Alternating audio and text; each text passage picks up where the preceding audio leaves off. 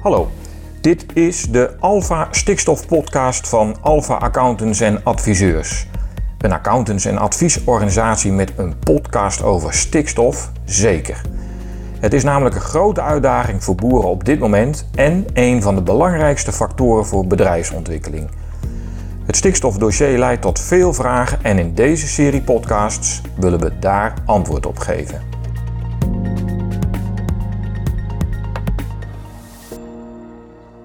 Voor de derde Alpha Stikstof podcast ga ik op bezoek bij Wouter Schep. Hij woont in Noord-Groningen in Holwierde en ik zie nu zijn boerderij liggen. Het is een kleine grijze wereld. Het is ontzettend mistig. En hij is aan het melken, dus ik ontmoet hem straks in zijn melkstal. Ik draai nu achter zijn erf op in het groen ingepakte vierkante balen. Maar ik zie ook sleufsielen aan mijn linkerkant. En achter een groepje bomen zie ik een kleine windmolenwoest draaien. Dat is een van de dingen die hij heeft gedaan om eh, wat duurzamer te ondernemen. En Wouter gaat mij straks vertellen welke maatregelen hij op zijn bedrijf heeft genomen om eh, de stikstofuitstoot te verlagen. Dus ik ben benieuwd naar zijn uh, verhaal. Ik ga hem opzoeken in de melkstal.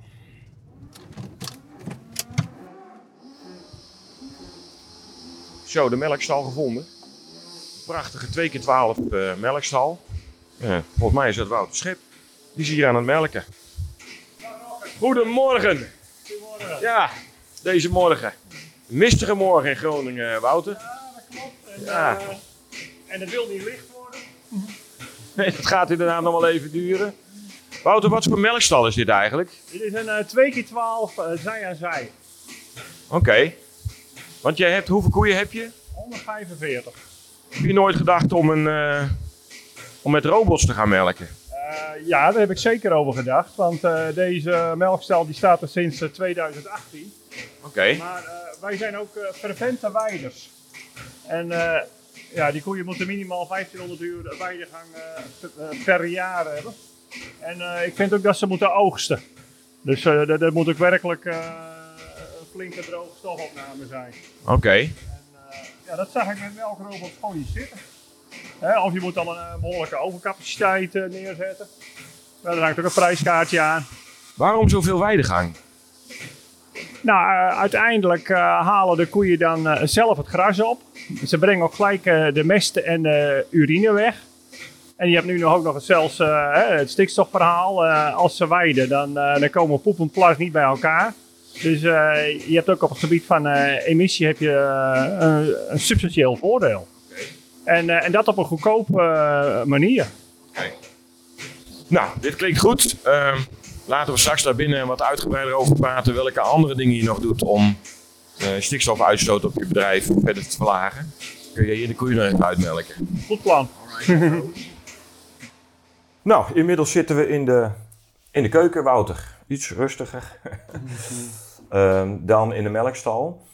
Even terugkomend op die melk in de melkstal, want daar vertelde je dat je bewust werkt aan veel weidegang. Hè? Je noemde 1500 uur. Ehm, en dat zei je in een eerder gesprek wat wij hadden al. Ik beschouw dat eigenlijk als laaghangend fruit, zo noem je dat. Hè? Om als melkveehouder je uitstoot van, van stikstof te verlagen. Wat voor meer laaghangend fruit pluk je nou nog meer op je eigen bedrijf? Eh, als je de koeien natuurlijk waait, hè, dan komen poep en plas niet bij elkaar. Dus Mhm. eh, dat, dat is natuurlijk één punt. Eh, wat we ook doen is zorgen dat het eiwitgehalte in het voer niet te hoog is. St- streven naar een laag ureum. 15 is, is hoog genoeg. Ja? Wel hoor. Dus daar schrik je niet van? En daar dat schrikken we niet van. En we hebben van de zomer ook een keer gehad dat hij naar de 10 ging. Maar toen hadden ze nog steeds een hoog eiwitgehalte. Dus dan blijkt dus dat die koe heel efficiënt om kan gaan als het gaat om eiwitbenutting. En, en dat er, blijkbaar toch nog geen tekorten eh, ontstaan. Hè. Dan moet alles wel goed kloppen. Maar het kan wel. Oké. Ja, we zijn vaak nog te bang en- en bouwen veel te hoge veiligheidsmarges in. Dus eh, we kunnen echt wel eiwitarmen voeren. Hè, nou, 150 gram ruw eiwitten, dat, dat moet echt genoeg zijn. Dat is ook wel waar, je naar, waar jij naar streeft, die 150 gram ruw eiwit. Ja, uh, het is nog een beetje zoeken wat nu uh, het beste stuurmiddel is. Of die mm -hmm. 150 gram of juist het ureumgehalte. Maar misschien is het inderdaad wel een, een slimme combinatie. Oké, okay. ja. hoe lang doe je dat al? Ja, ik ben daar voorzichtig naar op, aan het opschuiven. Ik, uh, en ik uh, kijk ook wel eens naar andere boeren die daarmee bezig zijn. Dus ik, ik ben er van het jaar dus uh, wat, wat sterker op gaan sturen. Ja, ja. oké. Okay. Mm -hmm. Een ander laaghangend fruit is volgens mij water bij de mest doen, bij het uitrijden. Doe, doe jij dat ook? Ja, in het voorjaar dan doen wij al, al het land sleepslangen. Ja. En dat doen we met een, met een flinke portie water erbij. Hoe, hoe, leg, leg eens uit, hoe werkt dat nou? Nou ja, je hebt een, uh, een pomp, die, uh, die, die zet je in een grote watergang. En die pompt de hele tijd water uh, naar de tank toe. En die dus zeg maar ook de mest uit de kelder pompt. En dat, dat wordt vermengd in, in, in, die tank. En zo gaat het dan via de slangen naar de trekker die op het land de mest uitrijdt. Dus en wat is het effect dan als je water toevoegt? Nou, het effect is, want ammoniak is wateroplosbaar. Dus uh, je voegt uh, een medium toe waar de ammoniak ah. in kan oplossen mm -hmm. en dus dan niet vervluchtigt. Dat, het, dat, dat is het voordeel. En, en uh, komt de stikstof dan ook beter beschikbaar in de bodem als je water toevoegt? Ja, dat denk ik wel. Hè? Want, want water die, die transporteert ook, of dat heel belangrijk is, maar het wordt er zeker niet minder van. Mm -hmm. Nee. nee. Plus dat je het voorjaar ook altijd nog het voordeel hebt dat temperaturen sowieso laag zijn. Ja. Want ik denk dat het grootste probleem midden in de zomer zit. Hè? En zeker bij 30 graden. Dan, maar dan, dan, dan, begin, dan beginnen je neusvleugels ook te wapperen. Precies. Dan, dan, dan ruik je het wel. Dus, ja. uh, dus dat is een goede waarschuwing. Hè? Check. ja. Dus naast A, weidegang, B, ruw eiwit. C, water bij de mest doen, bij het uitrijden in het voorjaar. Nu is, jij hebt 145 koeien en 55 stuks jongvee. Dit klinkt alsof jouw levensduur, levensproductie hoog is. Ja, daar streven we bewust naar. Uh, maar 55 stuks jongvee, dat is echt weinig. Ja, dat is echt weinig. Ja, nee, maar we willen echt dat die koeien lang uh, meegaan. En daar, uh, en daar werken we ook aan. Dat we, dat we zuinig op onze koeien zijn. Wat is de gemiddelde leeftijd nu, zo'n beetje? Ja, die zitten ruim vijf jaar. Oké. Okay. Wel. Ja. Moet dat verder omhoog? Ja, dat, dat, dat, dat is ook bezig omhoog te gaan. Om, -hmm. Omdat je natuurlijk, hè, want dat bouw je op hè, met zo'n lage uh, veevervanging. Het duurt heel lang vo voordat je dan uh, op leeftijd dat evenwicht bereikt hebt, zeg maar. Dat is natuurlijk een behoorlijk lang traject. Maar ja, we zien nu echt uh, ja, wel een stuk of, of twintig koeien opeens van negen jaar. Dus, uh, dus je ziet gewoon grote groepen koeien die oud zijn, zie je nou opeens doorschuiven. Ja. Ja, dat is een teken uh, dat het echt effect uh, begint te krijgen. Ja. En, en dat zijn ook allemaal koeien die, waarvan ik zeg, die zijn absoluut nog niet af. Die, okay. kunnen, die kunnen nog jaren mee. Waarom wil je zo'n lange levensduur? Omdat je dus er, heel veel erin moet stoppen om een kalf tot fase op te fokken, dus duur. Mm -hmm. Dus een, uh, en een oudere koe, die, die, ge die geeft meer als, als, een vaas. Dus uiteindelijk denk ik dat je op een goedkopere manier uh, een goede productie uh, behaalt. Maar wat is de relatie tot het verlagen van je stikstofuitstoot? Nou ja, dat je lagere input hebt. want een vaas grootbrengen, dat, die levert geen melk. Dus je stopt er van alles in om, om dat beest groot te brengen. Mm -hmm. En dat ben je kwijt. Dus hoe minder je dat doet, hoe minder ja. stikstofuitstoot. Zo ja. simpel is het eigenlijk. Ja. Ja. ja. Heb jij een soort streefgetal als het gaat om levensduur of, of, of druk je dat uit in levensproductie? Ik zou het een mooie uitdaging vinden om zeg maar, uh, op een levensproductie uit te komen van 50.000. Oké. Okay. Dat vind ik een mooi getal. En die zit nu op? Ja, we zitten nu op, op 43 of zo. oké. Ja, dus we moeten nog even, maar uh, nou, dat vind ik... Uh, dat is een soort stip aan de horizon die je voor ja, jezelf hebt geformuleerd. Ja, ja, ja. ja dat, dat moet kunnen vind ik. Nou is iets anders, is dat volgens mij heb jij meegedaan aan een, een proef mestkoeling hier op dit bedrijf. Dat was samen met een ander bedrijf. Kun je daar eens wat meer over vertellen? Hoe ben je daar in verzeild geraakt? Wat behelsde die proef? En komt er nog een of ander vervolg? Dus het koelen van mest, dat heb ja. jij meegedaan. Ja, dan moeten we maar even bij het begin eh, beginnen. Ja, Nou ja, eh, het begon met het verbreden van de stal. We moesten ook echt aan een nieuwe melkstal. Die oude was van 1973, 2 keer 6 was niet meer in te werk. nee. Ja, en, en dan ga je iets nieuws bouwen. En dan, eh, en dan sta je op een kruispunt. Van eh, wat doe ik wel en wat doe ik niet. Nou ja, we hebben het er net ook over gehad. Ik heb uiteindelijk gekozen eh, niet voor robots, maar voor een eh 2 keer 12 zij en zij. Maar dat geldt ook voor de inrichting van je tanklokaal. Ga ik met een conventionele koeling verder of ga ik toch wat anders doen? Dus eh, nou ja, ik, ik wist van het Eco 200 systeem. Eh, ik heb toen eh, Rob Jacobs in de arm genomen. Is het Eco 200 systeem een mestkoeling systeem? Nou, de- dat is vooral het melksysteem om de melk te koelen. Alright, ja. Dus, maar goed, maar daar hebben we wel op aangesloten. Ja, toen zijn we gaan kijken welk systeem dan het beste was. We hebben meerdere systemen bekeken. Toen kwamen we Mhm. toch uit bij het Eco 200. Maar we wisten ook eh, dat we daar ja, misschien wel niet genoeg warmte uit konden halen uit de melk. Om dit toch niet al te energiezuinige huis ook nog warm te krijgen. Maar tegelijkertijd eh, speelden we ook met de gedachte van, ja, als we nou mest gaan koelen, als we daar warmte eh, uit gaan halen, ja, levert dat geen voordelen op als het gaat om e- emissies. En ja, dat idee zijn we verder gaan uitwerken. Jan-Pieter van Tilburg die is daar ook bij aangesloten. Ja. Dus uiteindelijk hebben we besloten met subsidie van de provincie Groningen een systeem in onze kelders eh, te leggen. En ook met het idee om dat, eh, ja, toch om daar meer van te willen weten. En al heel snel kwam toen eh, de WUR in beeld. Ja, Die, die hadden geld gekregen om ook systemen te onderzoeken, met name op emissies van methaan. Toen zijn we uiteindelijk bij elkaar gekomen. oké. En, eh, en daar is toen een, eh, een tweejarig onderzoekstraject eh, uitgerold. Waarbij ze om de twee maanden een dag op het bedrijf waren om, Te meten. om te meten. Oké. Ja. Dat koelen van de mest, hoe, hoe gaat dat? Ga je iets slangen in een mestput hangen of hoe werkt dat? Ja, wij hebben ervoor gekozen om, omdat we natuurlijk nieuw bouwden, om dikke geribbelde slangen Ja, polyethyleenslangen, om die in de vloer te leggen. En die zit dan tussen de twee bewapeningslagen in. Daar hebben we dat vastgelegd. En eh, nou, die kelder is 50 meter lang en er, liggen, eh, daar ligt die acht keer in. Dus er ligt een 400 meter eh, geribbelde slang ligt in de vloer. En tegelijkertijd hebben we ook isolatieplaten onder de beton gelegd. Dus we hebben eerst de isolatieplaten Oh, dat heb je allemaal gedaan toen je de stal bouwde? Ja, ja, ja, ja, ja. ja. Ah, je hebt En, ehm, en En ook, dus zo eh, ingericht dat je de mest kon koelen? precies, want, an- want anders ben je gewoon eh, de grond eronder aan het koelen. Ja, Ook, mede. check. Ja, Oké. jammer. Tenminste, als je ook de ambitie hebt om juist de mest te koelen. Ja. Dus, eh, en ook de zijwanden hebben we tot eh, twee derde van de hoogte. Die hebben we ook geïsoleerd met, met platen. En wat loopt er dan door die slangen heen? Gewoon water. En dan gaat er een soort warmteuitwisseling plaatsvinden. Ja, dat water dat wordt opgewarmd. Ja, En vervolgens gaat het naar een warmtewisselaar.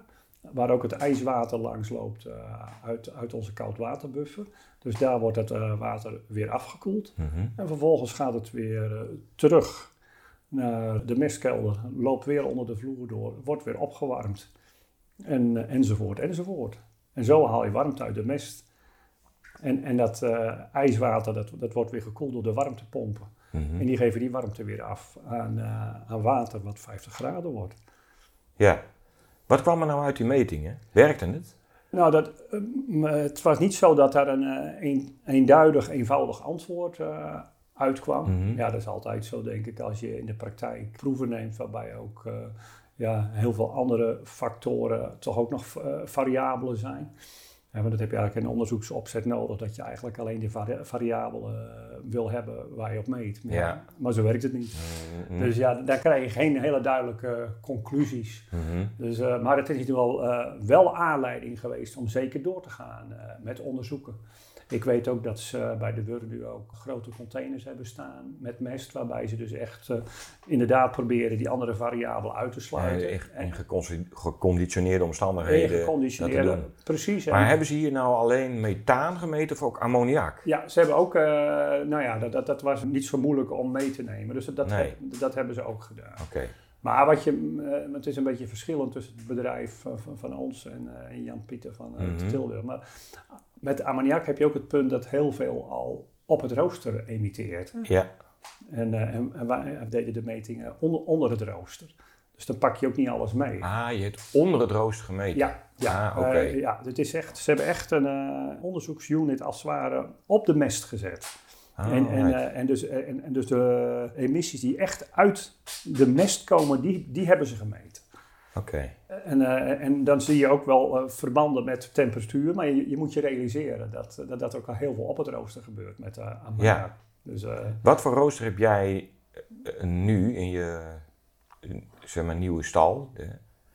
Een emissiearme vloer, eh, ja, die namen zijn veranderd, maar het heette destijds anders beton. Anders beton, Of, ja. of beter beton. Mhm.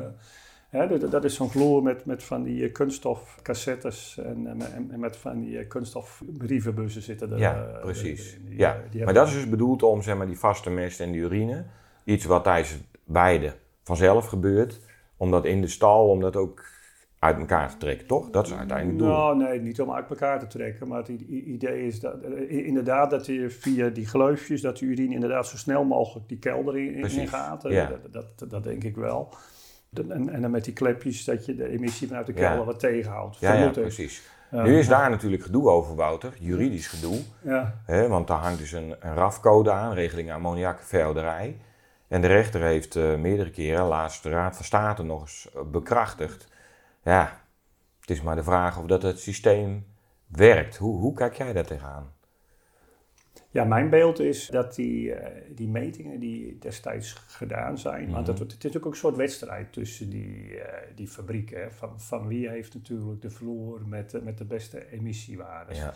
Nou, dat heeft er denk ik ook wel toegeleid dat ze haast bijna laboratoriumachtige Hmm. omstandigheden in die praktijkstallen gecreëerd hebben om toch maar zo gunstig mogelijk eh, Mhm. meetgegevens eh, te krijgen die ze dan kunnen publiceren. Maar ja, de, de harde praktijk is anders. Hè. Eh, bijvoorbeeld eh, bij deze vloer eh, blijven al die eh, brievenbussen blijven die mooi dicht. Hoe schoon blijft die vloer? Je hebt gewoon Ja. met praktijkomstandigheden te ja maken. precies. Dat leidt ertoe dat het heel moeilijk is om, om dat soort resultaten die je met die proeven wel haalt, ook echt in de, in de praktijk te halen. Maar Ja. daarmee is niet gezegd dat de vloer niet werkt. Hè, maar Dus je gelooft er wel in. eh, ik, de- ik denk wel dat het effect heeft. Mhm. Alleen eh, niet op dat hele hoge niveau. Kijk, en dat wordt ook onderuit gehaald nu. Maar we moeten ook niet doorslaan, denk ik. En dan zeggen van nee, het werkt he- helemaal niet. Mhm. Het, het werkt niet op het niveau eh, zoals eh, op dat soort laboratoriumachtige metingen zeg maar, eh, naar voren komt. Ja. Nu hebben we, we begonnen dit gesprek zeg maar met, we noemen dat wel eens maatregelen aan de voorkant.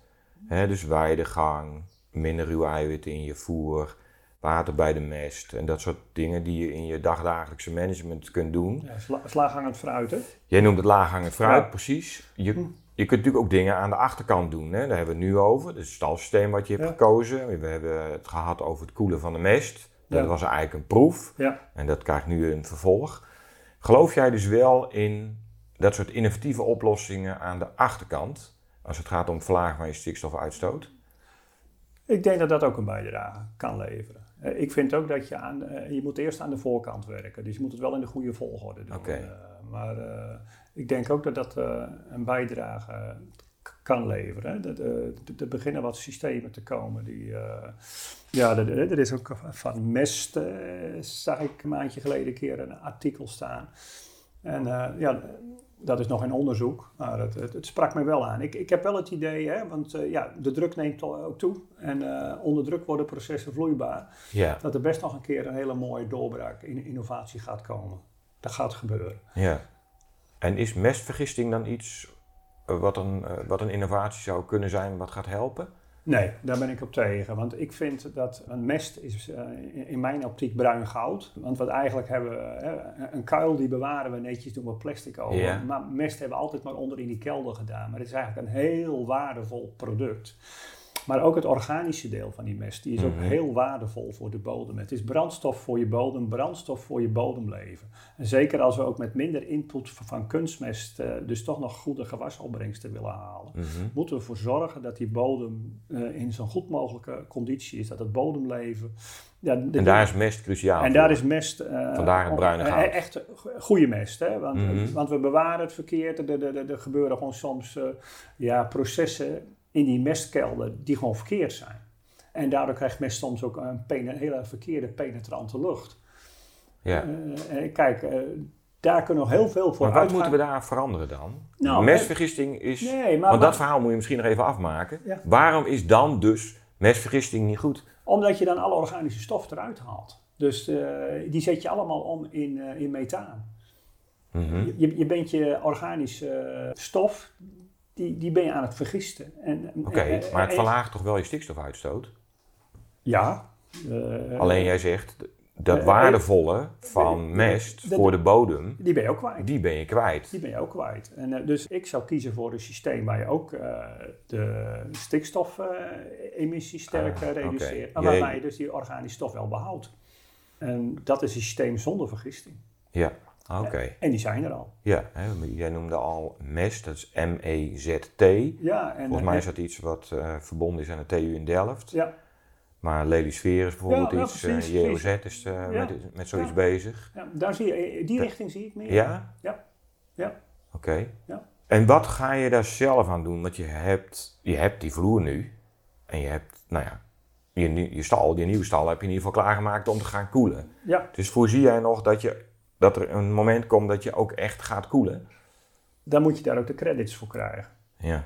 Uh, dat is, uh, ik, ik moet er ook natuurlijk uh, gewoon energie in steken mm -hmm. en, en, dus kosten maken. nou ja, met die proef hebben we de mest echt continu doorgekoeld ja. om zo koud mogelijk te krijgen. Maar dan zie je ook dat je gewoon warmte afblaast. Ja, wat we nu doen is dat we in de zomer de mest niet koelen, omdat ik die warmte gewoon niet nodig heb. Maar naarmate het kouder wordt, gaan we steeds meer ook die mestkoeling gebruiken, omdat we ook die warmte kunnen gebruiken. Ah, oké. Okay. Want dus, nou, jij noemt nu het kostenaspect. Dat is wel even belangrijk of goed denken om bij de kop te pakken. Dat laaghangend fruit. Ja. Werkt dat kostprijsverhogend? 1500 uur weidegang bijvoorbeeld. Levert je dat hoge kosten op? Nee. Lage kosten misschien wel. Ja. Ja? Ja. Dus als je dit soort managementmaatregelen neemt, wat je, jij laaghangend fruit noemt, verlaag je daarmee zelfs de kosten. Is het economisch gezien zelfs gunstig om dat te doen? Ja.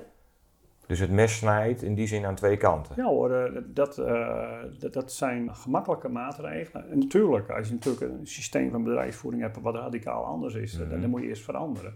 Maar als, als, je eenmaal die slag gemaakt hebt, dan kun je dat uh, volhouden met, met, met, lage kosten. He, immers, die koe die haalt zelf het gras op en die brengt zelf de mest en urine weg. Hoe, hoe, makkelijk wil je het krijgen? Ja. Dus als het gaat om die, het krijgen van credits het toepassen van het laaghangend fruit, daar zijn de credits eigenlijk kostprijsverlaging. Ja, nou en als het om weidegang is, nog meer. Uh, het gaat om maatschappelijke waardering, het gaat ook om biodiversiteit, dus het gaat om welzijn. Daar komt zoveel samen in, in, in dat aspect uh, bewijding. Dat gaat om veel meer. Maar daar hangt geen bedrag aan, Wouter. Aan biodiversiteit niet, nee. aan maatschappelijke waardering niet, nee, toch? Uh, nou, Uiteindelijk wel, denk ik. Want als je als sector niet gewaardeerd wordt, krijg je uiteindelijk ook niet de ruimte om te kunnen ondernemen. Mhm. dat, dat wordt je ontnomen. Oké. Dus uh, indirect wel, alleen het is niet helemaal individueel afrekenbaar. dat is iets wat je op sectorniveau met elkaar moet doen. En dus moet je het ook op sectorniveau met elkaar organiseren. Oké. dus ehm, uh, ja, ik zou er wel voordeel van. Uh, maak die 1500 uur weidiger maar gewoon verplicht voor iedereen. Ja? Ja. Ik denk dat dat een enorme uh, positieve impuls voor, voor de hele melkveehouderijsector zou zijn. Om, uh, juist al op de punten die ik net noemde. Mhm. En je ontwikkelt dan ook een heel, ja, qua onderzoek en fokkerij, die zich daar ook volledig op in gaat richten. Want, want we zien juist de omgekeerde bewegingen. Wat bedoel je daarmee? Nou, qua fokkerij en fokken koeien die juist hè, op totaal gemengde rantsoenen zonder vers gras mhm. tot, uh, tot goede resultaten moeten komen. Uh, nou, we zien de hele robotisering, die vooralsnog ook niet echt uh, de weidegang stimuleert. Dus we zien eigenlijk nog de verkeerde ontwikkeling. En ook als je kijkt naar de, de kerngetallen met betrekking tot weidegang. Eh, er wordt wel gesteld dat we vooruit gaan, maar als je echt goed onder de motorkap kijkt eh, bij die cijfers, dan, is het vooral meer deelweidegang. En uh, toch zie je dat vooral de grote bedrijven hun koeien op stal zetten. Dus die, die, echt die positieve ontwikkeling die we toch heel hard nodig hebben, die kan ik niet ontdekken, of in ieder geval in veel hmm. onvoldoende mate. Maar jij bent dus echt een overtuigd bewijder. Kun je eens, wat zou je tegen collega-melkveehouders dan willen zeggen? Die zeggen, ja, maar 1500 euro auto, dat is voor mij echt, dat is wat een gedoe allemaal. Dat is veel te veel. Ja, eh, ga bij andere collega's kijken die het wel doen. Daar kun je zien dat, dat, dat het wel degelijk goed kan. En daar komt ook bij, we hebben hier in Nederland een gematigd klimaat waarbij we de kans hebben om dat te doen. Mhm. Er zijn helemaal niet zoveel plekken in de wereld waar dat kan. Dus eh, maak daar een, eh, ook een unique selling point van. Met, met elkaar. Ja. Waarom moeten wij koeien houden zoals, zoals ze dat in Texas ook doen? Dat is jammer. En die vraag nou even doortrekken. Namelijk, hè, wat wil jij collega melkveehouders meegeven? Gewoon in bredere zin. Als het gaat om nou ja, maatregelen. Laten we beginnen met het laaghangend fruit. Om je stikstofuitstoot te verlagen. En je hebt er een aantal genoemd. Wat zou jij op dat vlak aan collega melkveehouders willen meegeven? Nou, ik, ik, ik denk dat we al heel veel kunnen. Hè? Dus weiden gaan en, en, en eiwitarm eh, voeren. Ik, dan, dan kun je al een behoorlijke reductie eh, realiseren, die, die weinig kost. Maar Ja. Kun je dat iets kwantificeren? Een behoorlijke reductie? Eh, eh, ik, ik We zullen dat- je er niet op vastpinnen, Nee. Wouter. Maar Nee, maar ik denk dat, dat, dat je daar zeker eh, wel, ik schat een 25 procent. Ja. daar, daar moet je me inderdaad niet op Nee, nee, precies. maar eh, Ja. dat is mijn inschatting. Dus Ja. eh, daar kun je bij, of 20, maar toch wel, wel substantieel. Mhm. Eh, dus iets wat we niet moeten missen. Hè? En hij zit ook nog een beetje gecombineerd met de manier van, van uitrijden. Met elkaar kun je best een eindje komen, denk ik. ja, Ja, dan heb je al behoorlijk wat te pakken. doe dat, zeg je Ja, dus. doe, dat. Ja, Oké. ja. Wat wil je meegeven als het gaat om stikstof verlagen en de maatregelen, of langer fruit of via innovatie, aan politiek en beleidsmakers? Ja, je moet een, omgeving eh, creëren waar dit soort maatregelen ook eh, eh, gewaardeerd worden. En, en ook een, een juri- juridische borging krijgen. Dat, dat, dat het dus ook eh afrekenbaar wordt. En eh, ja, dan- ben je ook van de overheid, de politiek afhankelijk. Afhankelijk, hè. En op dit moment zien we juist eh, dat alles ter discussie gesteld wordt. De mop die vecht alles aan. En, eh, en dan kun je zeggen van, nou ja, het is niet anders. Maar je kunt ook zeggen van overheid, maak regelgeving die wel bestendig is. En, en, en zorg ervoor dat wij dus in, een kader ku- kunnen werken waar, waar dat soort zaken dus wel gewaardeerd worden en, en afrekenbaar zijn. En, en misschien moeten we ook veel meer eh, naar een eh, gebiedsgerichte benadering. Nederland is niet eh, een eenheidsworst. Nee, Dus in het ene gebied zal je de accenten wat anders moeten leggen als in het andere gebied. ja.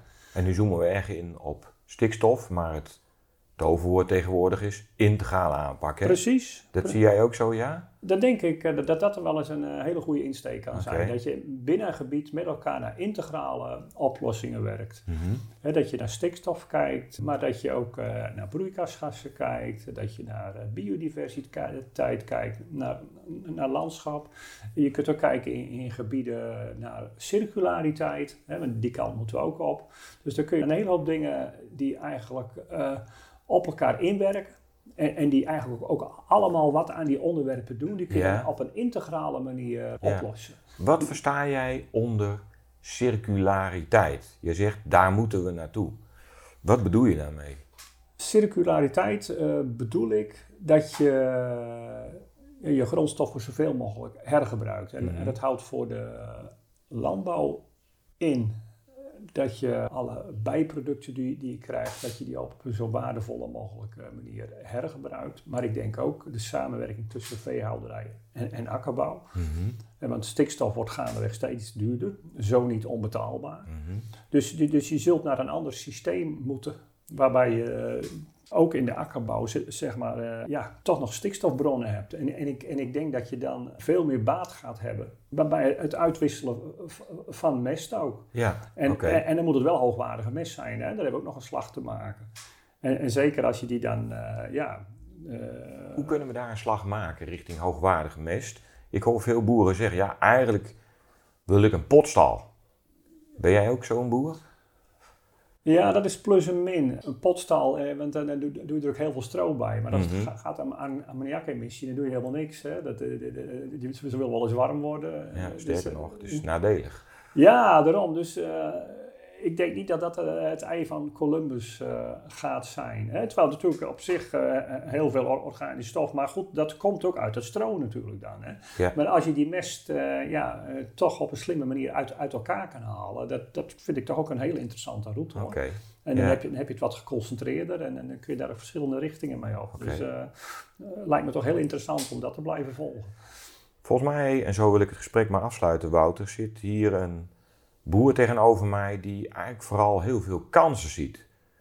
Klopt dat? Klopt mijn waarneming? Ja, ja. Dat, uh, je kunt in problemen denken, maar je kunt ook in kansen denken. En, en, ik hou meer van de laatste optie. Ik, uh, ik ben een onverbeterlijke optimist. Ja, ik, ik laat het hoofd niet gauw hangen. Nou, wat is wel mooier dan een optimistisch slot. Wouter, super dank voor dit gesprek. Oké, graag gedaan. Fijn dat je hebt geluisterd naar deze aflevering van de Alpha Stikstof Podcast. Alle afleveringen zijn terug te vinden op www.alpha.nl/stikstof. Heb je nou vragen, opmerkingen of misschien zelfs een suggestie voor deze podcastserie? Mail dan naar communicatie.alpha.nl.